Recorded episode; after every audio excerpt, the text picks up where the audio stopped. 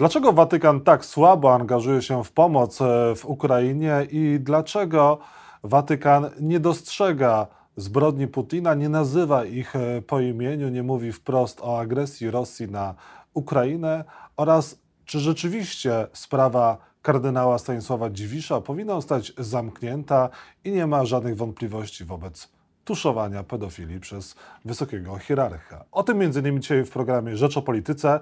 Jacek Nizinkiewicz, zapraszam.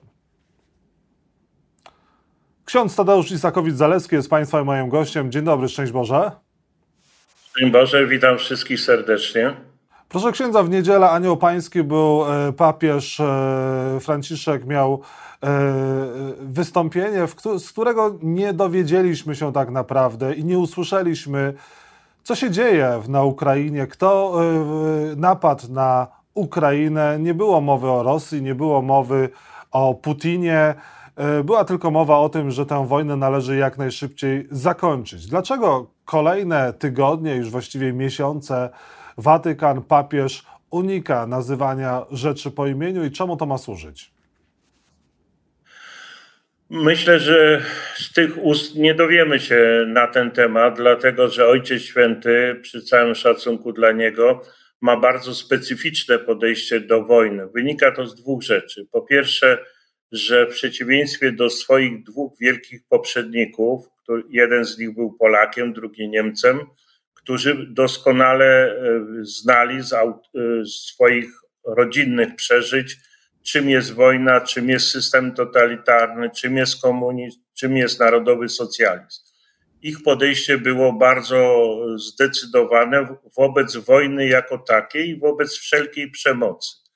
Natomiast e, Ojciec Święty, wychowany w rodzinie emigranckiej w Argentynie, wyraźnie ma inne podejście. Dla niego to jest jedna z wielu wojen, jakie toczą się na terenie całego świata, bo rzeczywiście są też inne wojny, i ciągle on szuka rozwiązań tego typu, że wcześniej czy później dwie strony się dogadają.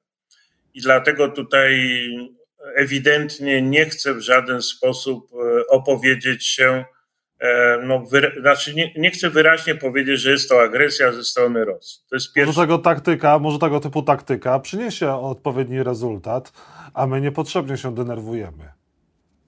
Myślę, że oprócz taktyki i polityki jest bardzo ważne świadectwo danego e, przedstawiciela Watykanu. W tym wypadku Ojciec Święty jest nie tylko politykiem, czyli głową państwa watykańskiego, ale jest przede wszystkim świadkiem Chrystusa, następcą apostołów i jednak postępowanie jego poprzedników było inne, chociaż też nie zawsze było tak e, radykalne. Niemniej jednak tam agresor był agresorem.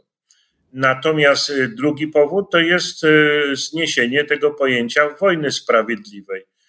Od czasów rzymskich, to mówię o epoce jeszcze E, Cesarstwa Rzymskiego poprzez wielkich teologów katolickich, świętego Tomasza, a wcześniej świętego Augustyna, istniało pojęcie wojny sprawiedliwej, czyli wojny, gdzie ofiara, napadnięty ma prawo się bronić. I jest ogromna różnica między agresorem a napadniętym. Natomiast w wypadku e, obecnie, obecnego pontyfikatu, dwa lata temu praktycznie zostało zniesione to pojęcie.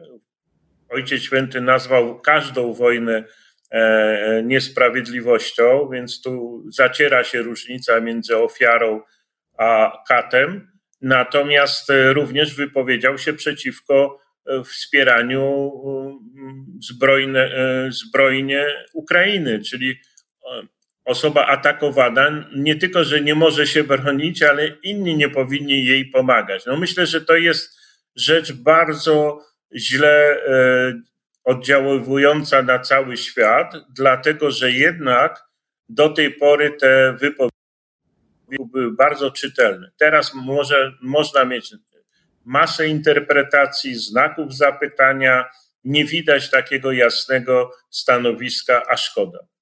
E, czyli papież powinien nazwać rzecz po imieniu, powinien powiedzieć, że to jest e, e, agresja Rosji, że to Putin zaatakował Ukrainę? Powinien wyraźnie powiedzieć, że Ukraina padła ofiarą Rosji, natomiast w żaden sposób nie powinien się z kolei wypowiadać przeciwko wspieraniu Ukrainy. No przecież rzeczą jest zrozumiałą, że to nie tylko słowa i pomoc humanitarna, ale że kraje e, cywilizowane w tym znaczeniu, nie, nie, nie poddane e, systemom totalitarnym, no chcą, pomóc, chcą pomóc. No to nie tylko Polska przekazuje broni, inni też przekazują.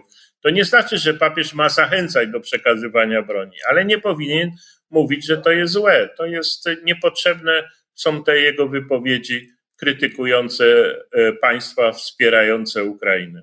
A czy słusznie Watykan nie dopatrzył się tuszowania pedofilii w kościele przez Stanisława Dziwisza? Sprawa została zamknięta.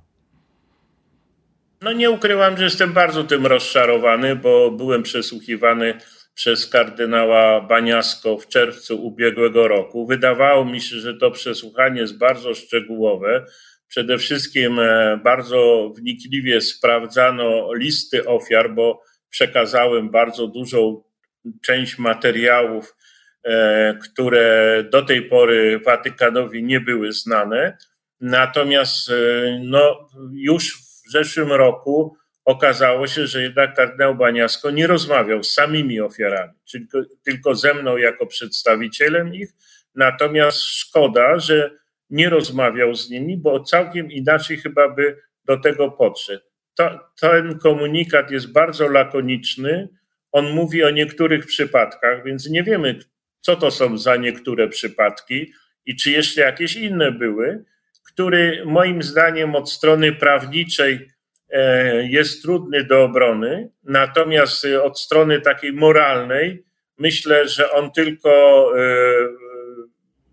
stawia kolejny znak zapytania, bo jednak te problemy powinny być wyjaśnione od A do Z i przede wszystkim do tej pory ani ksiądz kardynał Stanisław Dziwisz, ani przedstawiciele Watykanu nie spotkali się z ofiarami, bo ofiary zarzucają tuszowanie, żeby była tutaj sprawa jasna. No więc jeżeli y, y, ci najważniejsi, najważniejsi świadkowie, y, pokrzywdzeni równocześnie, nie mają prawa głosu, no to na podstawie czego wydano taki E, komunikat. To jest tylko takie prawnicze e, potraktowanie od strony urzędniczej, czy były zachowane pewne procedury, natomiast e, nie jest jasne, które z tych spraw zostały tak przebadane. Mhm. A, nie jest tak, że ksiądz ma może jakieś niepozałatwiane sprawy z kardynałem Dziwiszem i może dlatego ksiądz krytykuje ta, taką, a nie inną procedurę Watykanu?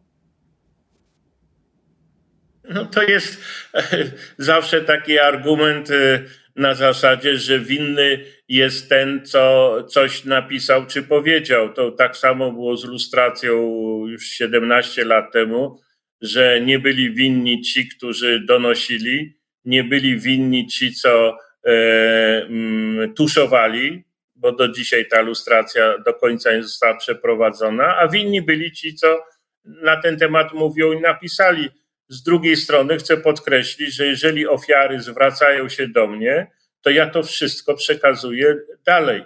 I szkoda, że e, nie ma takiego, e, takiego mechanizmu, żeby same ofiary mogły rzeczywiście na przykład spotkać się z przedstawicielem Watykanu bez mojego udziału i równocześnie e, powiedzieć, no, jeżeli w rzymskim prawie jest jednoznacznie powiedziane, że trzeba wysłuchać obu stron, to jednoznacznie trzeba wysłuchać tych, którzy się żalą, a nie korespondencja, pismo, później odpowiedzi w formie takiej przepowiedni pytyjskiej, nie wiadomo gdzie postawić przecinek. Myślę, że całkowicie inaczej by ta sprawa wyglądała, gdyby przedstawiciel Watykanu, przy, przyjadąc do Polski, spotkał się z tymi ofiarami. Pytałem wszystkich po kolei, do mnie też dzwonili, z, nikt z nimi się nie spotkał. Ciągle to jest tylko jakieś urzędnicze pismo, że sprawa jest w toku, czy coś w tym rodzaju. Musimy kończyć, czyli sprawa księdza kardynała Dziwisza nie powinna być przez Watykan zamknięta. Moim zdaniem e, byłoby bardzo dobrze, żeby ksiądz kardynał Dziwisz spotkał się z ofiarami, a tego nie zrobił do dnia dzisiejszego. I myślę, że teraz ruch należy do niego. Bardzo dziękuję za rozmowę. Ksiądz Tadeusz Isakowicz-Zaleski u Państwa moim gościem. Wszystkiego dobrego.